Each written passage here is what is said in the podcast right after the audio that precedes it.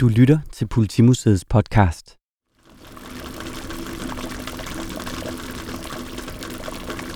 Det syder og bobler i det indre København. Sådan rent bogstaveligt. Herinde i en baggård i Købmagergade er en stor gryde i kog. Et hav af dampbobler er i vild bevægelse. De bruser opad fra grydens indre i en konstant strøm – når de her dampbobler rammer væskens overflade, ja, så forløses de ligesom ud i luften. Og lige så stille breder der sig en højst ubehagelig stank fra gryden og den indre. En stank, der lige om lidt vil blive bemærket af de umiddelbare naboer til gryden og dens ejermand. En nobel herre fra det bedre borgerskab. Det er ikke fordi, at københavnernæserne på det her tidspunkt er mere lugtfølsomme, end de er i dag – Nej, faktisk er københavnerne i den grad vant til ildelugt her i hovedstaden. De lever med det. Det er et livsvilkår.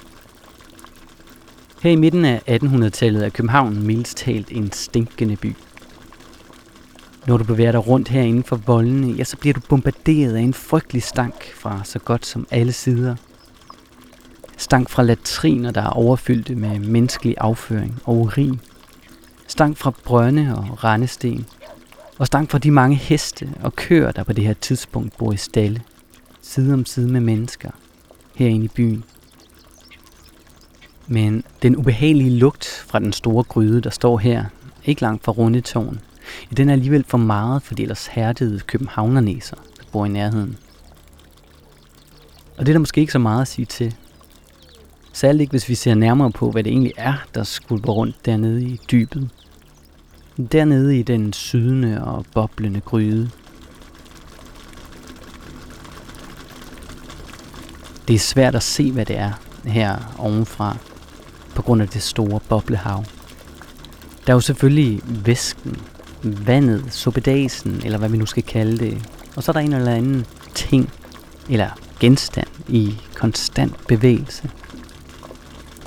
Den roterer ligesom om sig selv i takt med boblernes brusen. Det er faktisk ikke rigtigt til at se. Men jeg kan fortælle dig, hvad det er, vi ser på. Det er et afhugget menneskehoved. Og på nuværende tidspunkt har huden løsnet sig fra knoglerne og musklerne. Kødet er efterhånden også kogt af, og tilbage har vi blot et kranie. Den her episode handler om knogler kranier og ikke mindst ansigter. Den handler om forbryderes fysionomi. Særligt om myndighedernes nye muligheder for at kunne fastfryse mistænkelige personer i brøkdelen af et sekund. I et fotografi. I den engelsksprogede del af verden kalder man det et mugshot. Her kalder vi det et forbryderfotografi. Og når den sydende og boblende gryde kan kobles til forbryderfotografiet, ja, så har det noget at gøre med en stor bandesag, der førte til, at politiet optog de første forbryderbilleder i Danmark.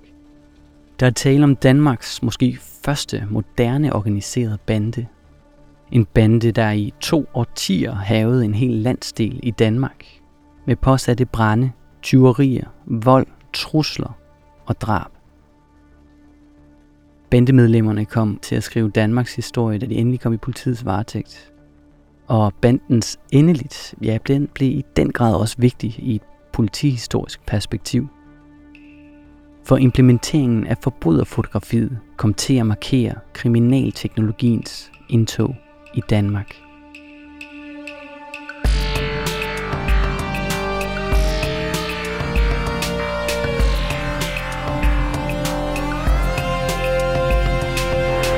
Vi har sat os for at se nærmere på nogle af de kriminalsager, der blev banebrydende for det danske politi og dets arbejde. Vi kalder serien Kriminalsager, der ændrede Danmark. Og ser du, den her episode, den er lidt speciel. På Politimuseet har vi nemlig den seneste tid været stærkt optaget af forbryderfotografier. Forbryderfotografiet er netop temaet for en ny særudstilling på Politimuseet. En udstilling, der hedder Mistænkelige personer, fotos fra underverdenen Derfor så bryder vi også lidt ekstraordinært med vores egen kronologi her i serien om kriminalsager, der ændrede Danmark. Vi skal altså spole tiden lidt længere tilbage i forhold til, hvor vi egentlig var nået til, men vågen ikke det går an. Mit navn er Anders Brandt Lundær, og den her episode hedder Hanskemærbanden. Forbryderansigter, kranier og kriminalteknologiens indtog. Vi begynder cirka 150 km fra den store, boblende gryde i København. Vi skal sydpå i Danmark, til en ø, der arealmæssigt er Danmarks fjerde største. Lolland. Det er sent lørdag aften, natten til den 22. marts 1851. Det havde egentlig ikke været deres hensigt, at han skulle slippe levende derfra. De havde nok troet, at han lå og sov derinde bag døren på sit lille kammer. Men Hans Larsen, som han hedder, han sov ikke. Nej, han lå godt nok i sin seng, da han pludselig havde hørt deres stemmer. Deres diskussion. Det var ikke stemmer, han kendte, og det gjorde ham først mistænksom, og dernæst alvorligt bange. Særligt fordi han kunne høre, at de her fremmede mænd, de stod og diskuterede hans skæbne. De havde diskuteret, om de skulle gøre det af med ham. På samme måde, som de kort forinden havde gjort det af med gårdens øvrige beboere. En gårdmand, hans hustru og de to unge tjenestepiger. De var blevet dræbt med økse og ræb, og bagefter var de omhyggeligt lagt tilbage i deres senge. Den uhyggelige diskussion der på den anden side af døren var pludselig blevet afbrudt af en stemme med autoritet. En, som de andre til respekterede. Han skar igennem. Han befalede, at den sovende unge mand ikke skulle dø imellem bandemedlemmernes hænder. I hvert fald ikke sådan direkte. Det var nu ikke fordi, at manden med autoritet i stemmen, han ønskede at skåne den unge mands liv. Nej, bandens arbejde her skulle som end gøres færdigt, men på en anden måde. Manden havde sagt, at den røde hane nok skulle ordne resten. Kort tid efter havde mændene strøget tændstikker rundt om på gården, og der antændt det halm, der skulle få den røde hane til at gale.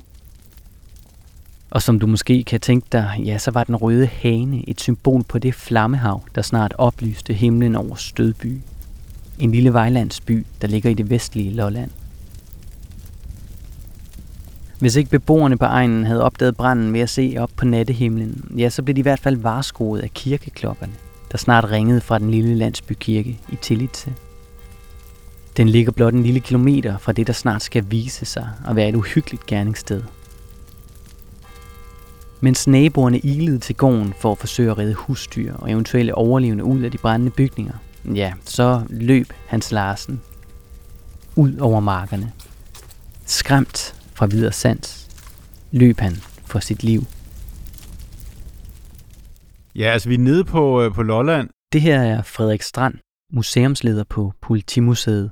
Der er i første gang, man taler om en gårdbrand. Øh, gården bliver øh, ja, brændt ned, og man undersøger sagen, og det, der hurtigt står klart, det er, at øh, de fire personer, som er brændt inde øh, på gården, de er i virkeligheden blevet myrdet.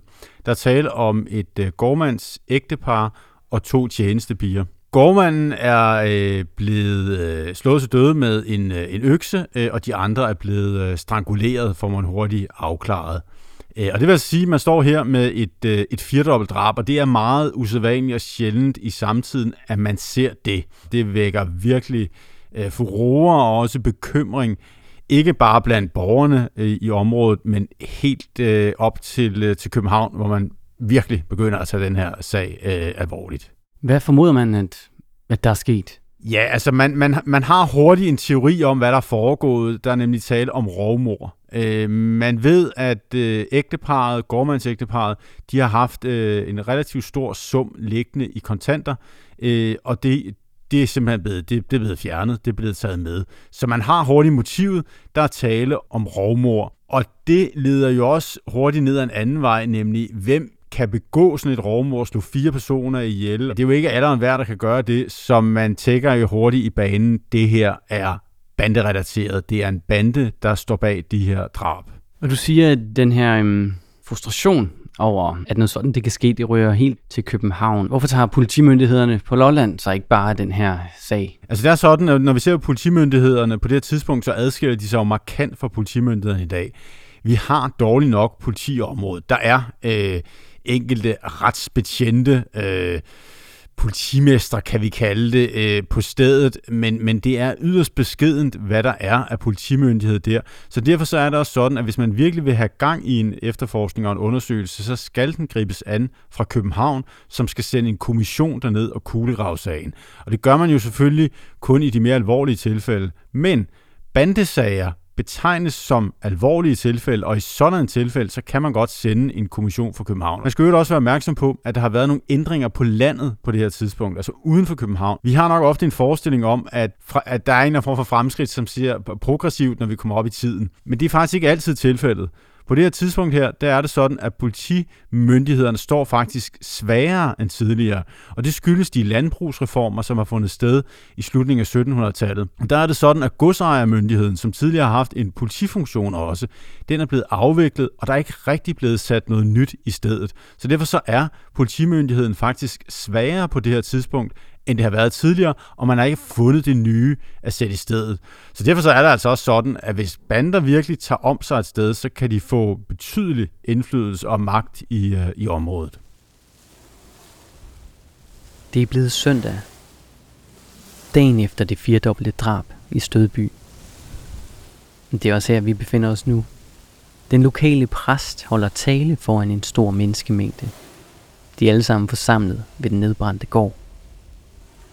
Den plads, hvorpå jeg her står, var for få dage siden et hyggeligt hjem for en fredelig, stræbsom og retskaffen familie.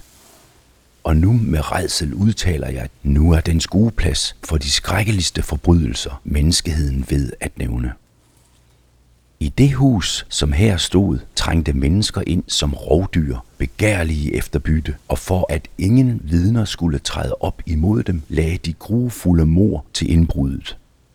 For at udslette et hver spor af udåden, skulle alt gå op i ild og flammer. Elendige mordere og ildskærningsmænd, hvor I så end er. I er dog ikke så frække at være her til stede. Gid Guds truende forjættelse må gå i opfyldelse. Hvor som udøser menneskets blod, ved mennesket skal hans blod igen udøses. Til Gud gjorde mennesket i sit billede. Ser du Allerede forud for den nat, hvor himlen over Stødby blev oplyst af den brændende gård, ja, der havde man faktisk ved Justitsministeriet i København rettet sin opmærksomhed mod Lolland. Der var nemlig den seneste tid blevet begået en lang række forbrydelser, som man lokalt ikke så sig i stand til at opklare. Og der var tale om alvorlige forbrydelser. Tyverier, ildspåsættelser, vold og endda drab. Derfor havde Justitsministeriet i februar 1851 nedsat en såkaldt undersøgelseskommission. En slags forløber for det senere så navnkundige rejsehold. Det betød altså, at der allerede befandt sig en kommission på Lolland på det tidspunkt, hvor det firedobbelte drab i Stødby blev begået. Kommissionen var allerede i gang med sine indledende undersøgelser af et andet uopklaret drab, der var blevet begået et par måneder forinden. Og det her et brutalt firedobbelt drab i Stødby, ja, det kunne kun bekræfte kommissionen i, at der på Lolland var noget helt galt. I hvert fald kunne noget tyde på, at nogen andre end de lokale myndigheder havde magten på egen. Ja, altså kommissionen begynder først og fremmest at afhøre folk i området. Øh, altså det var det væsentligste, hvad skal man sige, redskab man har på det her tidspunkt. Man skal være opmærksom på, at vi, altså kriminalteknik eksisterer jo nærmest ikke på det tidspunkt her. Man har ikke fingeraftryk, man har ikke DNA. Alle de ting, som vi har i dag, det har man ikke. Så derfor så er det sådan, at kommissionen øh, og de folk, der sendes ned, og kommissionen er ledet af en assessor Rode. Øh, han kommer jo et senere også til at håndtere flere andre bandesager. Han går i gang med at afhøre folk i området. Og det viser sig hurtigt at være et kæmpestort problem. For der er mange, som, som ikke vil udtale sig. Altså det er svært at få folk til at tale. Dels formentlig af frygt. Man frygter banden hvad kan den gøre ved en, hvis man fortæller noget, og så kan det jo også være sådan, at en stor del af personerne i området faktisk har en eller anden form for relation til banden. Det vil sige, at de, om ikke er en del af banden, så i hvert fald har haft en eller anden form for gevinst ved, at banden øh, huserede. Så det er meget, meget svært at komme til bunds i, hvad der egentlig er foregået. Men der går rygter i, i samfundet omkring en person, der hedder Hans Jakob Mortensen. Hans Jakob Mortensen betegnes som bandeleder i området, som ham, der har ligesom orkestreret det hele. Det går rygtet på. Øh, han har en gruppe, øh, 4-5 personer omkring sig, øh, som ligesom er hans håndgangende mænd. Og de personer kommer jo så i Rotes øh, søgelys. Det er dem, han begynder at fokusere på, fordi rygtet går, at det er ligesom den hårde kerne i denne her bande, som er opstået, og som øh, Rote har en formodning om, er meget, meget omfattende. Men han fokuserer altså på denne her øh, kerne af, af bandemedlemmer og begynder at afhøre dem. Hvad siger de?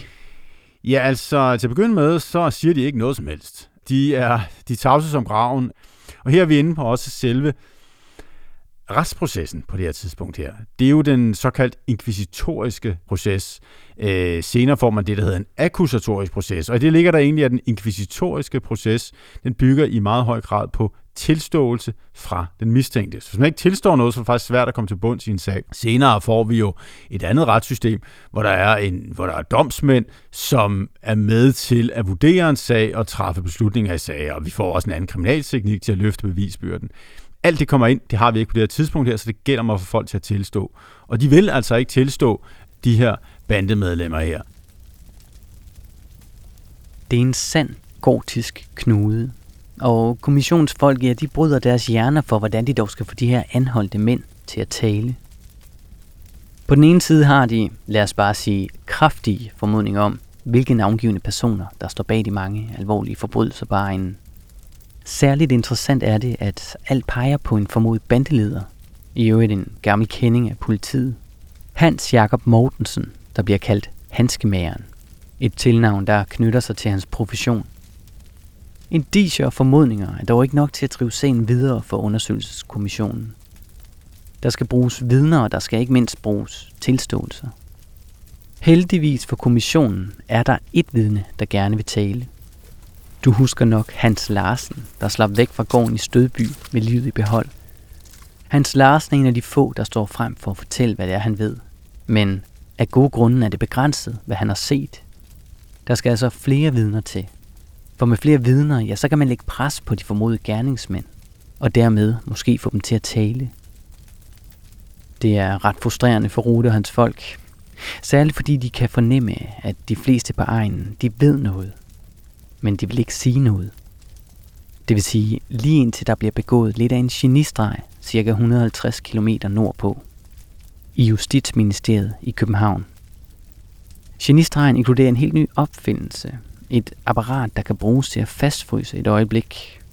Et kamera. Det er her, vi skal introducere en ny stemme. Det er Poul Dudal, der er professor i moderne historie på Aalborg Universitet. Han har skrevet en lang række bøger om kulturhistoriske emner, blandt andet om afvigere, kriminelle afvigere og forbryderfotografier. Et særligt interessant værk i den her sammenhæng, ja, det er den prisbelønnede bog Forbrydelsens ansigt, som han har udgivet med Peter Vodskov Christensen og Gitte Bergendorf Høsbo. Poul Dudal kan gøres klogere på den her nye og banebrydende opfindelse, der skal blive ret så vigtig for sagen her.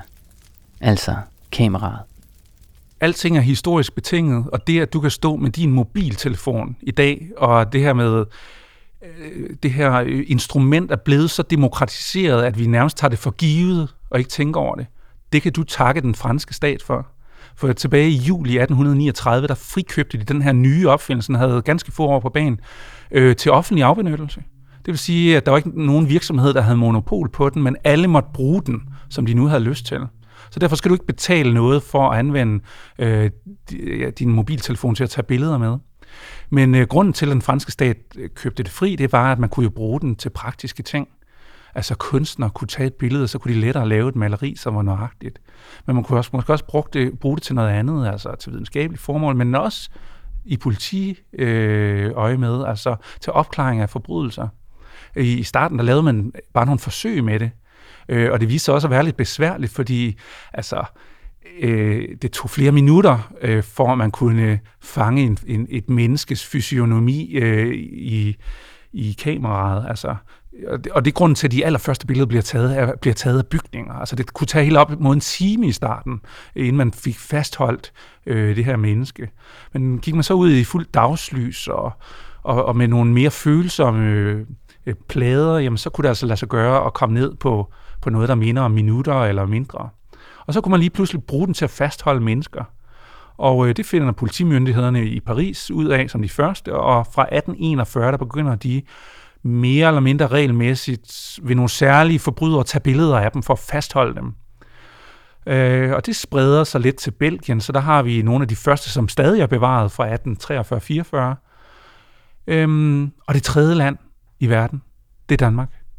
Og de billeder, som stammer fra 1851, ja, de er lige her på Politimuseet øh, i København. Det er første gang, at det danske politi har en egentlig kriminalteknologi imellem hænderne. Altså en teknologi, der simpelthen kan hjælpe med at opklare forbrydelser. Man kan jo så undre sig over, hvordan opfindelsen af kameraet og hvordan et personportræt kan være med til at opklare forbrydelser, der allerede er sket.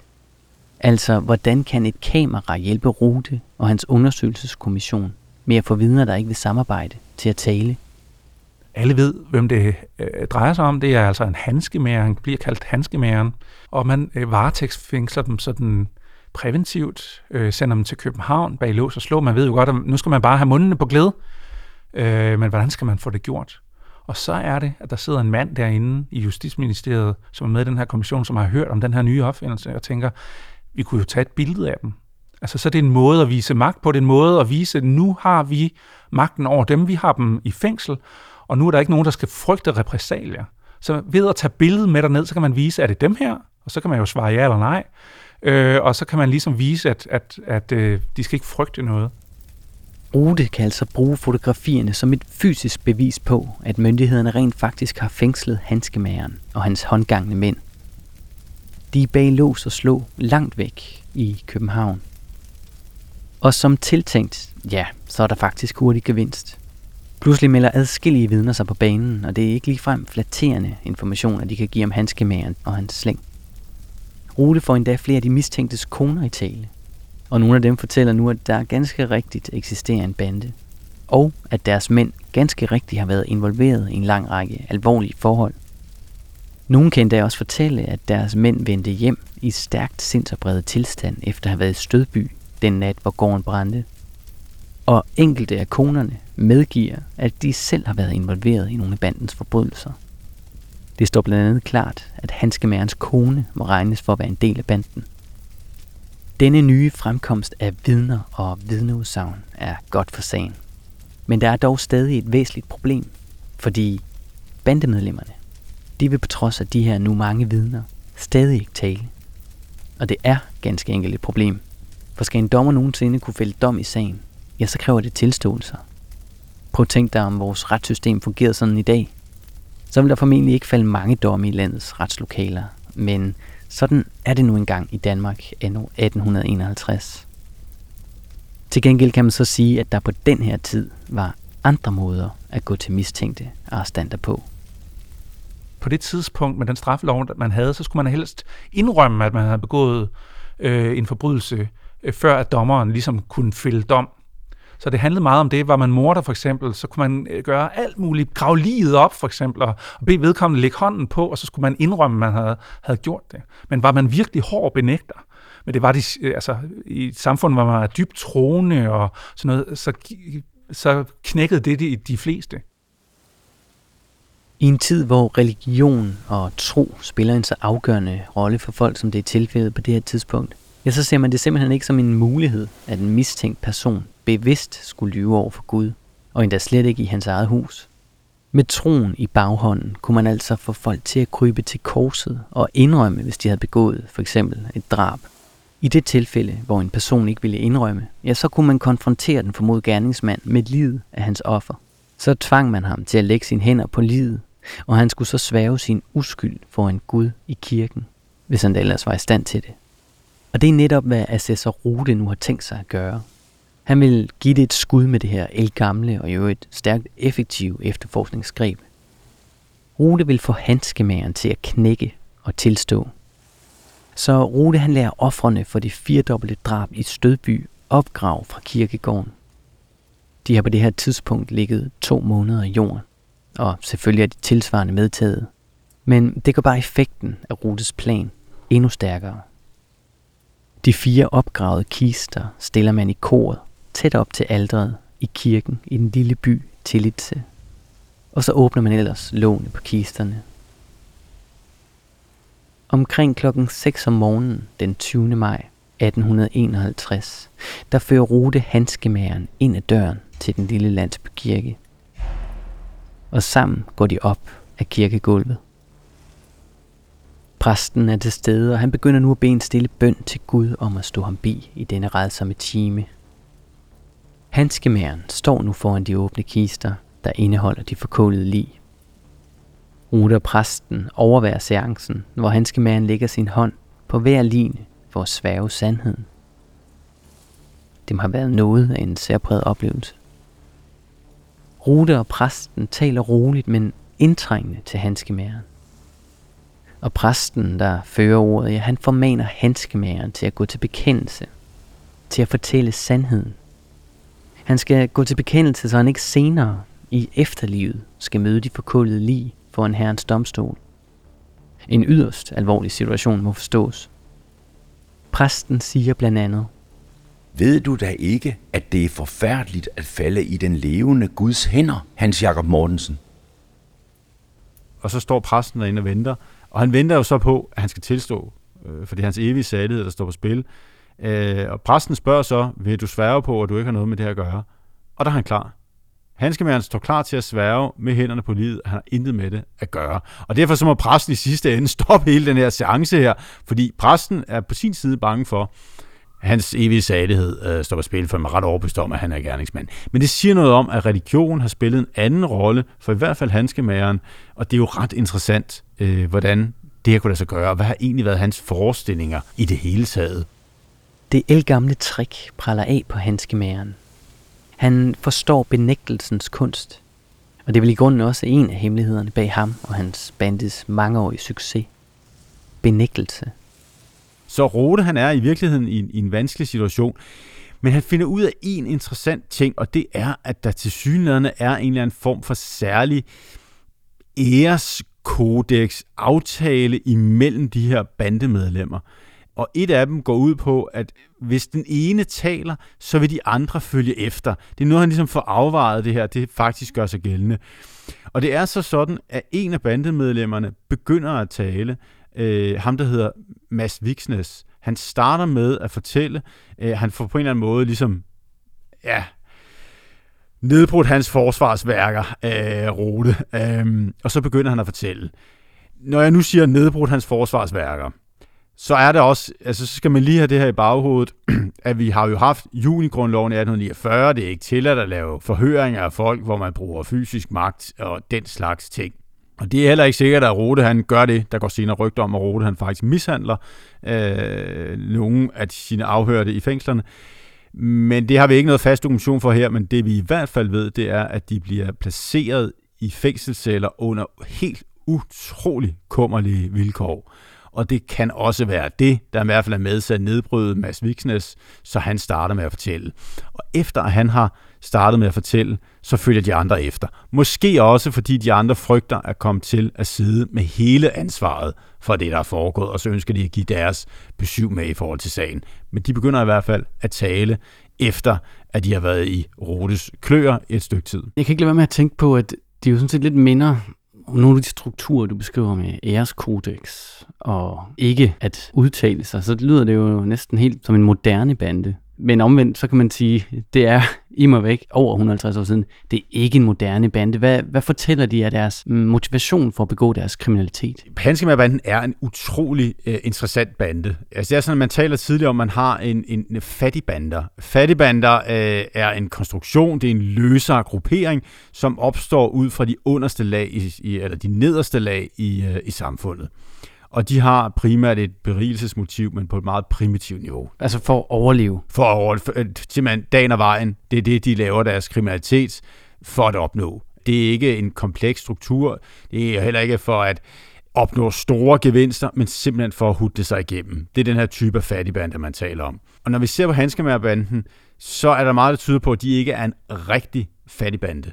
De begår givetvis deres kriminalitet for at få til dagen og vejen. Det gør de nok for at slå sig igennem, men de har en, en langt mere øh, kompleks struktur i banden.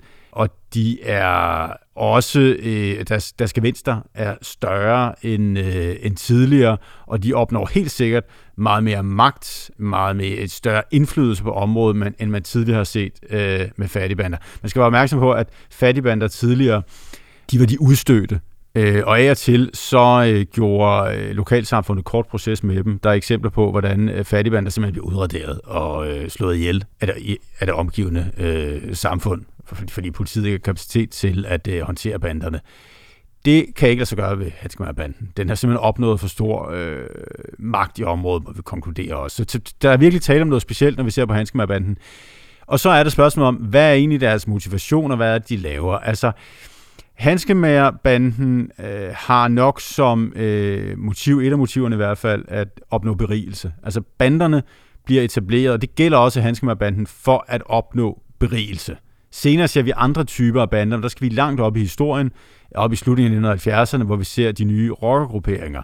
Og de har jo et identitetsfaktor i sig, Altså det vil sige, det er ikke nødvendigvis kun berigelse, hvad man, man vil opnå i rockerbanderne, man vil også op, opnå at skabe en særlig identitet, for et tilhørsforhold, derfor rygmærkerne, derfor alle de der ting i påklædning og så videre, så videre. Sådan noget gør sig ikke gældende øh, øh, ved, ved en gruppering, en bande som, som øh, Hanskemær-banden. Det er berigelse, der primært er udgangspunktet. At der så også opstår en eller anden form for særligt tilhørsforhold, det er der nok ingen tvivl om, men det er ud, som udgangspunkt berigelse, der, øh, der gør sig gældende. Og nu begynder de så småt at fortælle de her mænd, som er blevet taget med magt jo af myndighederne og, og taget til København, hvor de er fængslet under kummerlige forhold. Hvem ved, måske bliver der begået vold imod dem i, øh, i myndighedernes varetægt. Men hvad er det for en fortælling, der åbner sig op om deres gøren og laden, og ikke mindst, hvem de er? Altså det, man hurtigt får indtryk af, det er, at øh, Hanskemabanden har udnyttet et nyt kriminelt marked, og det er afbrænding de afbrænder forskellige gårde rundt omkring, og så får øh, dem, de brænder gårdene af for. Det er vigtigt at være opmærksom på. De brænder jo gårdene af for nogen. De brænder også deres egne gårde af for at opnå forsikringssummen, men de brænder også andres gårde af for, at de kan opnå forsikringssummen, eller for at de kan få et nyt og bedre hus. Nogle af dem bor måske øh, på godsejerjord, i et kummerligt hus, bliver det brændt af, får de givetvis et bedre hus, kan man sige. Så det er ligesom øh, et af deres væsentlige motiver, og en af de, de, de områder, de ligesom presser sig ind på, nemlig forsikringsmarkedet. Og forsikrings... Det at forsikre et hus, det er noget, der opstod i løbet af slutningen af 1700-tallet, og nu endelig cementeret der omkring, øh, ja, i hvert fald i midten af 1850'erne. Så det er det, de udnytter. Og der er der altså helt klart, der er en alliance, men ikke ubetydelig del af lokalområdet. De får simpelthen noget ud af det, i, ved at handske, Hanskemærbanden er klar til at brænde deres huse af. Så det er den ene side af det. Det, der så er markant ved Hanskemærbanden, det er, at den udvikler sig. Altså, øh, de bliver jo ikke bare ved at brænde huse af, hvilket kan være alvorligt nok, må man sige. Øh, de bliver heller ikke bare ved småkriminalitet. Det er jo sådan, at handskemageren og hans kone, de har jo tidligere været straffet, men for noget småkriminalitet, noget banalt tyveri. Men det, der sker, når vi kommer op igennem 1840'erne, det er, at de bliver mere og mere radikaliseret. Vi begynder virkelig at lave alvorlig kriminalitet, især når vi nærmer os 1840'ernes slutning. Altså, så går de fra småkriminalitet over brand og så til drab. Altså, det begynder de simpelthen at terrorisere øh, samfundet. Og det ses i forbindelse med det første kendte drab, der kan kobles til Hanskemærbanden. Nogle af bandemedlemmerne mente at vide, at en stalkarl lå inde med en del redde penge. Dengang var det som bekendt ikke almindeligt at opbevare sine i øvrigt få penge i banken eller i sparekasser. Så i stedet, ja, så gemte man bogstaveligt talt pengene på kistebunden. Bandemedlemmerne, ja, de besluttede fra start, at de ville dræbe stalkarlen for at få fat i de penge, som de formodede, han lå inde med. De planlagde derfor, at de ville kvæle ham Bagefter, ja, så ville de hænge ham op i et reb, så hans død kunne få udseende af at være et selvmord. Men det går galt fra start.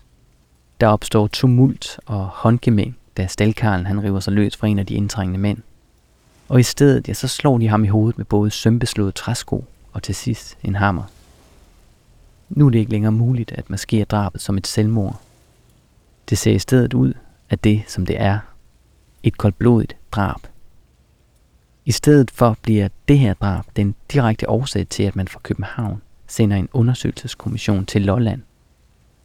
Det bliver altså begyndelsen på enden. I lyset af de brutale straffe, som man praktiserede på det her tidspunkt, ja, så skal drabet på Stalkaren blive skæbnesvangert for bandemedlemmerne. Udbyttet af denne rå og koldblodige forbrydelse blev i øvrigt et ur, en kniv og en flaske brændevin. En anden meget interessant ting, når vi ser på Hanskemørbandens udvikling, det er jo så det sidste øh, drab, hvor de virkelig på en måde nærmest, jeg ved ikke, man kalde det, de virkelig kynisme, de havnede i en eller anden form for blodhus. de mener, de kan gøre, hvad de vil. Øh, måske de, fordi de heller ikke er blevet afsløret i de tidligere drab. Øh, og der beslutter de fra starten af, eller meget der tyder på i de afhøringer, som, som foregår, at der beslutter de sig simpelthen for, at øh, fra starten, at de vil myrde hele øh, familien, altså både ægteparet, de to tjenestepiger og kalene. Øh, og det er altså noget, de beslutter fra starten af, og så, så vil de efterfølgende maskere drabet som, som en afbrænding, som øh, der er gået ild i huset, i gården, øh, og så tage pengene. Altså, og det, der tyder vi virkelig på, at her er vi på vej ud i noget, som jo er meget, meget voldsomt, og som man jo virkelig ser øh, meget sjældent i Danmark. Altså, det er, der er den en, en bande, der er gået over i excesserne her, øh, må man sige, og er ude af, af kontrol. Man fornemmer en helt særlig fremgangsmåde her. Overlagte drab, maskeret enten ved selvmord eller gårdbrand. I takt med, at bandemedlemmerne nu begynder at tale, ja, der får Rute større indsigt i, hvordan banden egentlig er organiseret. Og ikke mindst, hvordan handskemageren til synlandet udøver sin indflydelse, ikke bare på folkene omkring sig, men på hele lokalområdet. Han bliver betegnet nærmest som en form for øh, sektleder, eller han, han nærmest som en eller anden religiøs magt over de folk, der har været omkring ham. Så han har helt sikkert været meget karismatisk på nogle områder, øh, har haft sikkert tydelige lederevner og også været meget hensynsløs. Øhm, så en, en, kan man sige, ud fra vores forskning om, hvad en bandeleder skal være, har han nok haft en række af de træk, må vi sige. Altså så man kunne udnytte nogle af de sådan, sociale psykologiske mekanismer i form af øh, lydighed og tillid og de gruppedynamikker, som ligesom virker. Ja, det har han helt sikkert kunnet. Øh, han er jo helt sikkert her ved tilbage fra at bruge helt almindelig, brutal vold, som alt bandekriminalitet jo i sidste ende faktisk bygger på øh, men har samtidig haft nogle andre kompetencer, der er ingen tvivl om, og folk omkring ham karakteriserer ham som en, der har gået omkring i, i, i kvarteret og har skabt sociale relationer, og også været venlige og imødekommende, fordi en, en, en bandeleder kan ikke bare på den måde trumle sin vilje igennem kun ved hjælp af vold, og det gælder jo også senere. Der skal andre mekanismer til, hvor personer bliver knyttet op på, på, på lederen. Og, og, og her har der været en, en, en række sociale relationer, og der har også været gensidig gevinst ved dem, som har omgået øh, Hanskemabanden. Og det har han bare været klar til at, at udnytte. Dykker vi ned i nogle af de folketællinger, der findes fra Hanskemærens velmagtsdage, ja, så kan vi se, at Hanskemæren boede på en gård i Tillitse, Altså blot et stenkast fra Stødby, og selvfølgelig kirken, hvor han blev konfronteret med de fire lig. Han boede her med sin kone og sine børn. Nu er gården for handskemæren og hans kones vedkommende udskiftet med mørke og uhumske celler. Og det er langt fra en overdrivelse, når Frederik tidligere fortalte, at fængslerne ja, de bød på utroligt kummerlige kår. Det var kolde, fugtige celler, i visse tilfælde endda helt uden spand til at forrette nødtørft i. I andre celler var det slet ikke muligt at stå op. Fængselsopholdet er faktisk så barskt, at handskemærens hustru, ja hun dør i fængslet, mens efterforskningen endnu står på. Og der er endda endnu en mistænkt i sagen, der dør i fængslet undervejs. Vi kender ikke handskemærens reaktion på hustruens død, men må ikke man kan sige, at han som professionel kriminel nok ikke følte, at han havde meget tilbage at kæmpe for på det her tidspunkt. Hans bande er opløst. Han er ruineret. Han har mistet sin kone, og han sidder nu i en mørk celle og afventer sin skæbne. En skæbne, som han familie forvisset om, må få et brutalt udfald. Alt peger i hvert fald på ham som den store mafiaboss med omfattende kriminalitet og massedrab på samvittigheden. En ting ved vi dog. Omkring to uger efter hanskemæren blev konfronteret med Line i kirken, ja, der lykkedes det endelig Rute at få et gennembrud i sin, skal vi kalde det, bearbejdning af Hanskemæren. Meget tyder på, at det blandt andet har at gøre med det her abstrakte æreskodex, som Frederik beskrev tidligere. Da Rudi først begynder at røre ved netop hanskemærens æresfølelse og det interne bandeløfte om at indrømme, hvis kammeraterne tilstod, ja, så fik det åbenbart hanskemæren i knæ. Han tilstod. Det er så svært for os at sige, i hvilket omfang det kommer lige fængselsophold, tabet af hustruen eller myndighedernes eventuelle tortur spillede ind. Men i hvert fald betød tilståelsen, at retssystemet var den næste instans til at håndtere bandesagen. Det skete ved dommen i byretten i august 1852. De kendes for ret. Arrestanterne nummer 1, Hans Jakob Mortensen, kaldet Hanskemageren, og nummer 3, Mads Viksnes, bør hver især have deres liv forbrudt og lægges på stejle og hjul. Arrestanterne nummer 7, Anders Viksnes, og nummer 8, Christian Frederik Mortensen, bør hver især have deres liv forbrudt og deres hoved at sætte på en stage. Datidens straffe var drakoniske. Fire dødsdomme, hvoraf to efter henrettelsen skal parteres og deres kropsdele sættes på hjul og stejle. Endnu to skulle have det afhugget hoved sat på en stage. Afgørelsen er som udgangspunkt ikke endelig, for principielt ja, så skulle sager om dødsstraf runde højesteret. Men de forløbige byretsdomme er dog lidt af et vink med en vognstang til den lokale bødel. Et vink om, at skarpretteren godt så småt kan begynde at gøre sine instrumenter klar. I løbet af sagen står det efterhånden også hurtigt klart, at bandens omfang vidderligt er langt større end først antaget.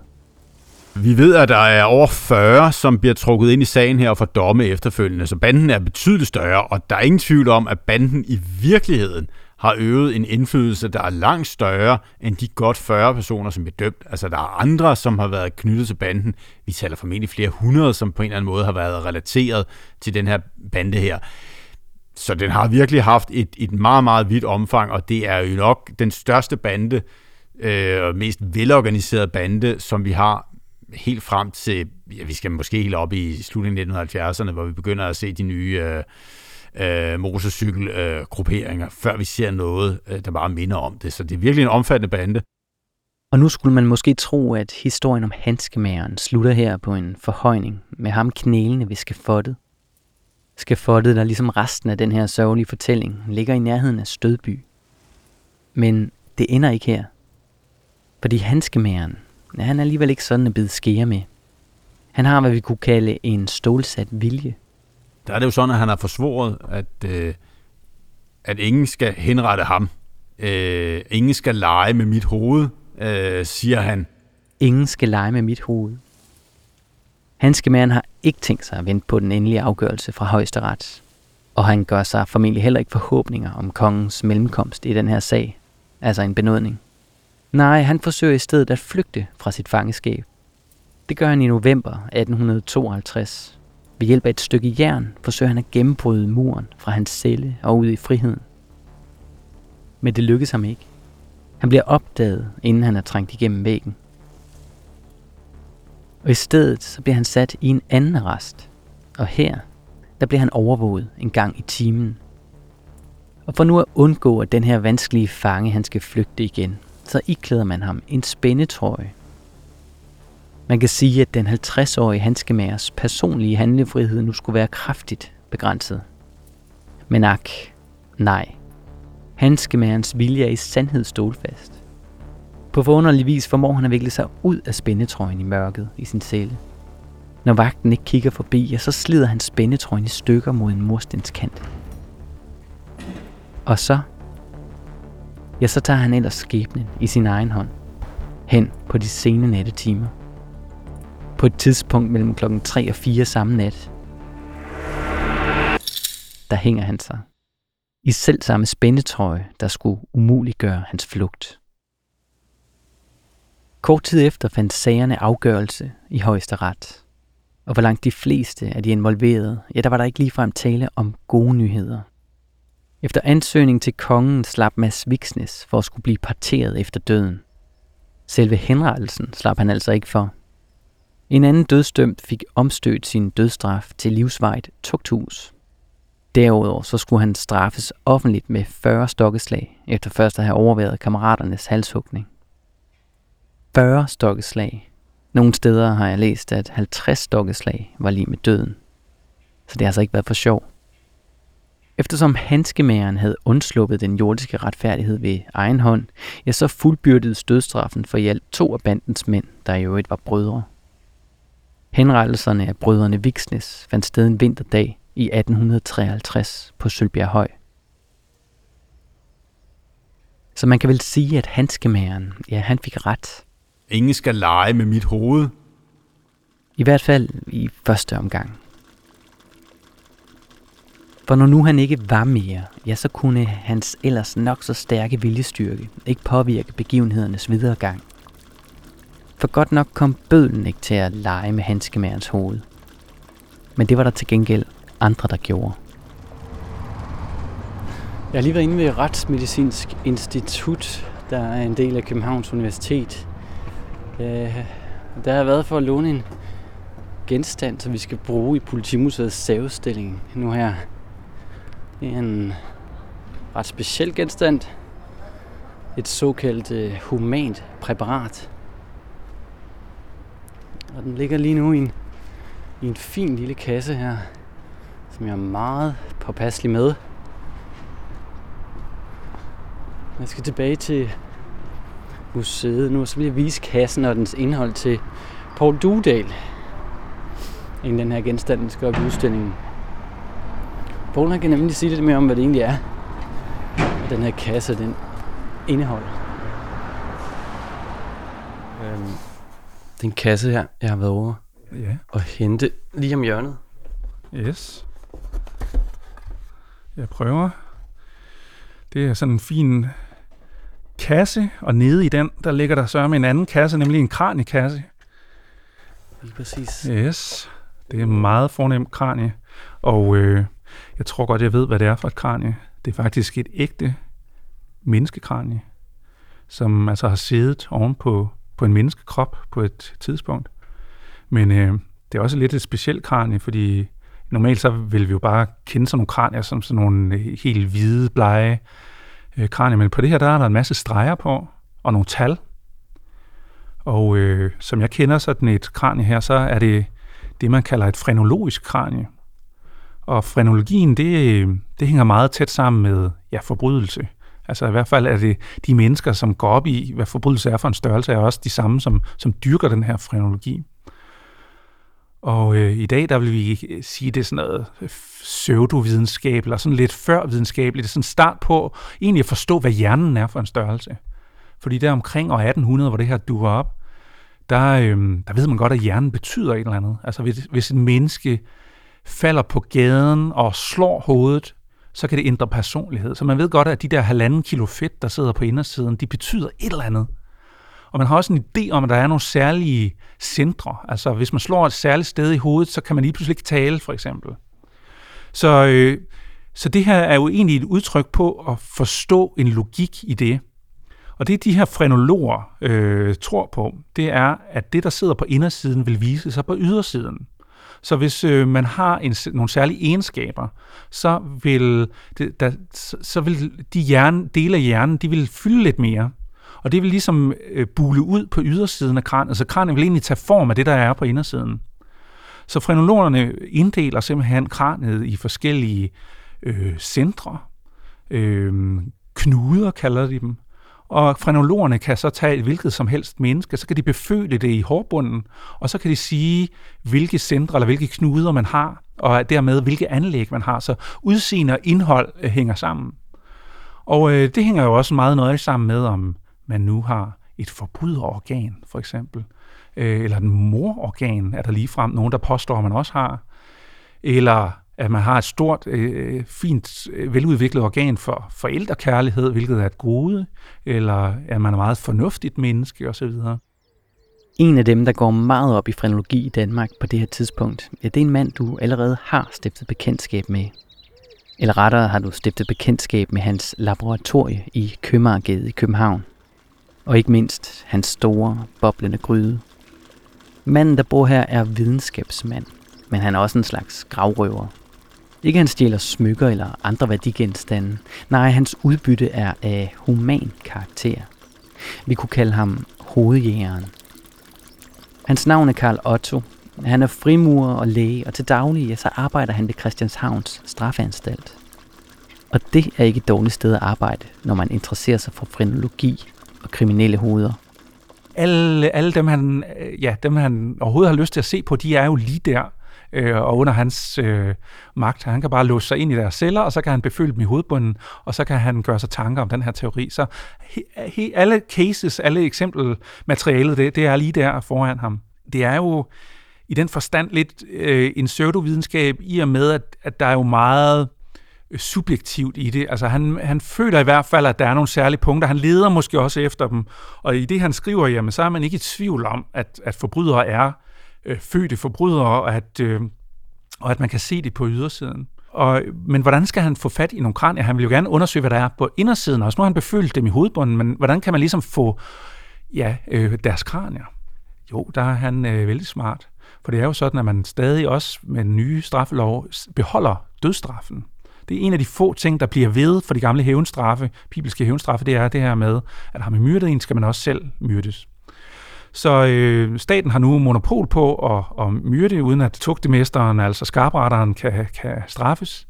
Og det betyder, at Carl kan lave en aftale med skarpretteren. Så hver gang han tager et hoved og hugger det af, så får han lige nogle ekstra penge, så skal han sørge for, at hovedet lige bliver lagt til side. Man begraver kroppen, og så bliver hovedet lagt til side og sendt med pakkepost øh, fra skarpretterstedet og til, ind til straffeanstalten. Og der modtager Carl Otto dem. Sagen om Hanskemærbanden er mildest talt højprofileret i sin samtid. Der bliver både skrevet bøger og sange om den brutale bande. Så Karl Otto, hovedjægeren, ja, han synes selvfølgelig også, at han må have fat i hovederne fra Hanskemærfolkene. Til sit videnskabelige arbejde, naturligvis. Og det lykkedes ham at få fat i hovederne. Og først, ja, så bearbejder han dem i sit hjemmelaboratorie. Og dernæst beføler og opmåler han dem efter frenologiens principper og metoder – Desværre kender vi ikke de specifikke resultater for den frenologiske handskemagerundersøgelse. Formentlig så bliver Karl Otto bare bekræftet i sine forudbestemte antagelser om drabsmænd og eksistensen af forbryderiske mennesker. Husk på, når vi taler handskemærbanden, ja, så var der her tale om særligt kyniske og morderiske kriminelle. Det kunne formentlig tydeligt mærkes på knuderne på de lollandske kranier – og alle de her kranier i Karl Ottos samling efter de mange døde og henrettede forbrydere, ja, de faktisk bevaret for eftertiden. Alle de her kranier, dem skænkede han på sine ældre dage, testamenterede dem til Københavns Universitet. De indgik i mange år i uddannelsen af kriminologer, altså kriminalantropologer, øh, og senere endte, endte de i kælderen under Panum Instituttet. Men altså, vi har faktisk hovederne for mange af de her henrettede mennesker. Øh, og Karl Otto har altså aftegnede de her frenologiske mærker på en af dem, som han kunne bruge. Øh, og hvem det er, det kan sikkert være en af de danske henrettede forbrydere, der ligger lige her foran os. Du kan ved selvsyn se nærmere på det frenologiske kranie ved at klikke ind på Politimuseets sociale medier. Vi ved desværre ikke, hvem det her hoved i sin tid har tilhørt, eller hvad personen eventuelt har begået af kriminalitet. Det eneste, vi kan sige med kyndig hjælp fra en retspatolog, det er, at vedkommende bag kraniet her var en mand, der formentlig levede på et tidspunkt i 1700-tallet. Hvem ved, måske har han endda gået rundt i de samme gader som du og jeg. Det er desværre ikke længere muligt at identificere specifikke kranier i Karl Ottos kraniesamling. Og derfor kan vi heller ikke finde kranierne, der har tilhørt handskemæren og hans bande. Enkelte har endda hævdet, at handskemærens kranie slet ikke vil være at finde i Karl Ottos samling. For i bandens eftertid opstod der flere forskellige rygter og myter om grupperingen, og ikke mindst dens brutale leder. Et af de vedholdende rygter på Lollandegnen forlød, at handskemageren faktisk var lykkes med sit flugtforsøg fra arresten i København. Han skulle så være flygtet over Atlanten til Amerika og til et nyt liv. Hvem ved? I dag så ved vi dog, at handskemageren og hans håndgangne mænd, ja, de kom ufrivilligt til at skrive dansk politihistorie. Deres ansigter og kroppe prydede de første forbryderfotografier i Danmark, og forbryderfotografiet, ja, det skulle komme til at kickstarte kriminalteknologien i Danmark og i resten af Europa. For ser du hovedjægeren Karl Otto, han var langt fra den eneste europæiske videnskabsmand, der rendte rundt og opmålte mennesker her i 1800-tallet. Nej, i Paris sidder nemlig en fransk politiembedsmand. Hans navn er Alphonse Bertillon, og med udgangspunkt i forbryderfotografiet og frenologiens kranieopmålinger, ja, der gør han en helt ny og for politiet banebrydende opdagelse. En opdagelse, hvis videnskabelige kvalitet må sige at være noget stærkere end frenologiens metoder. Altså det banebrydende eller epokegørende hos Bertillon, det er, at han tager biometrien et skridt videre. Det er sådan, at det han opdager, og det gør han blandt andet på baggrund af frenologien. Øh, han får egentlig inspirationen fra frenologien, men det, der er hans pointe, det er, at han egentlig løsriver sin øh, metode fra frenologien og bruger det til ren identifikation. Han finder ud af, ved hjælp af de kraniemålinger, der har været tidligere, der finder han ud af, at menneskets krop som helhed har helt unikke mål. Han taler egentlig ikke om den fødte forbryder eller den slags ting. Han taler om, at mennesket, hvis vi måler det op, så har det helt specielle mål. Og det er i hvert fald, når det er efter sit 21. år, så har det de her helt specielle mål som ikke står til at ændre. Det finder han ud af, og det begynder han at registrere.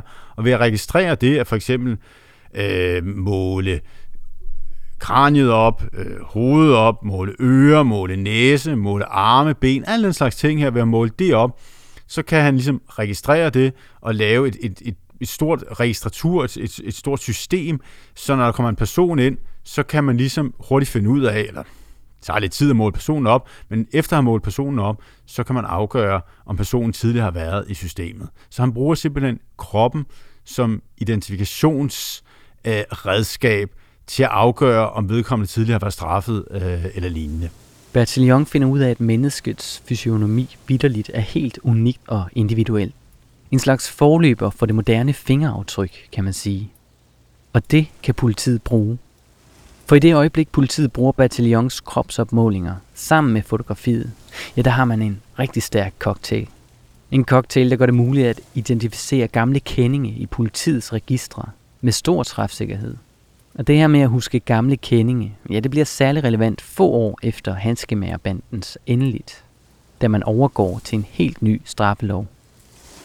Det, der er afgørende ved den her straffelov, det er, at man går for de gammeldags hævnstraffe, hvor det var øje for øje og tand for tand, og myrde med nogen skulle man selv myrdes. Det danske lov. Lige præcis. Ja. Og det var det, der øh, var grunden til, at man også henrettede øh, hvad hedder det, Hanskemærerbanden, eller i hvert fald en del af medlemmerne. Men nu får vi altså en ny lovgivning, hvor det handler mere om, egentlig om opdragelse om fængsling, og folk skal øh, sidde og tænke sig. Altså, det er derfor, man taler om et forbedringshus. Meningen er, at man skal forbedres. Og har man så begået lovovertrædelser mange gange, så kan man komme hen i tugthuset, som er mere sådan en opbevaringsanstalt. Men altså, der er en idé om, at man faktisk kan ændre folk. Men hvad betyder det? Det, jo, det betyder for eksempel, at lovgivningen bliver sådan, at man får en mild straf første gang, man får en lidt hårdere næste gang, og en endnu hårdere tredje gang, og så videre. Så det er meget afgørende, hvor mange gange man har øh, begået en lovovertrædelse. Og det får en vis betydning for forbryderbilledet, fordi øh, man bliver interesseret lige pludselig i det, man kalder recidivister, altså dem, der kommer tilbage på forbrydervejen. Med fotografiet og opmålingerne, ja, så har man også fået et instrument, der gør det muligt at gå efter en helt ny kriminalitetstype, der ellers er eksploderet i kølvandet på den nye straffelov. Nemlig den omrejsende eller mobile forbryder. Bertillon han lader det heller ikke bare blive ved de her kropsmålinger. Nej, han forfiner også den måde, man bruger kameraet og de nye forbryderfotografier. Han standardiserer dels billedet, så det han laver med forfra profiler med en særlig afstand, det er jo præcis det samme, vi bruger i dag. Øh, det er også ham, der gør det internationalt, sådan, øh, altså opstarter øh, det med udveksling af billeder på tværs af landegrænser øh, og lave nogle særlige standarder for det, så man også telegrafisk kan sende i forvejen noget på baggrund af de billeder, så kan man måle efter på sine egne billeder. Som det vist kraftigt er blevet antydet nu, ja, så er det her altså lidt af en kriminalteknologisk revolution. Og tænk sig, at det hele på en eller anden måde, i hvert fald for Danmarks vedkommende, startede på Lolland med en slags førmoderne bande, der stort set uantastet havde en hel landsdel igennem flere år. Altså når vi ser på Hanskemager-bandesagen og de fotografier, som bliver taget der, så bliver det egentlig udgangspunktet for den kriminal efterforskning, som vi har i dag. Og det er derfor, de er så vigtige. Fordi forbryderfotografiet bliver egentlig det første udgangspunkt for biometrien. Det vil sige brugen af kroppen som et efterforskningsredskab for politiet. Og det er helt afgørende. Det, der følger efter, er jo så Bertillons kropsmålinger, derefter kommer fingeraftrykket, og så kommer til sidst DNA-metoden. Men forbryderfotografiet, og som vi altså allerførste gang ser i forbindelse med Hanskemagerbandesagen, det er udgangspunktet for den biometri, som i dag på mange måder ligger til grund for politiets efterforskning.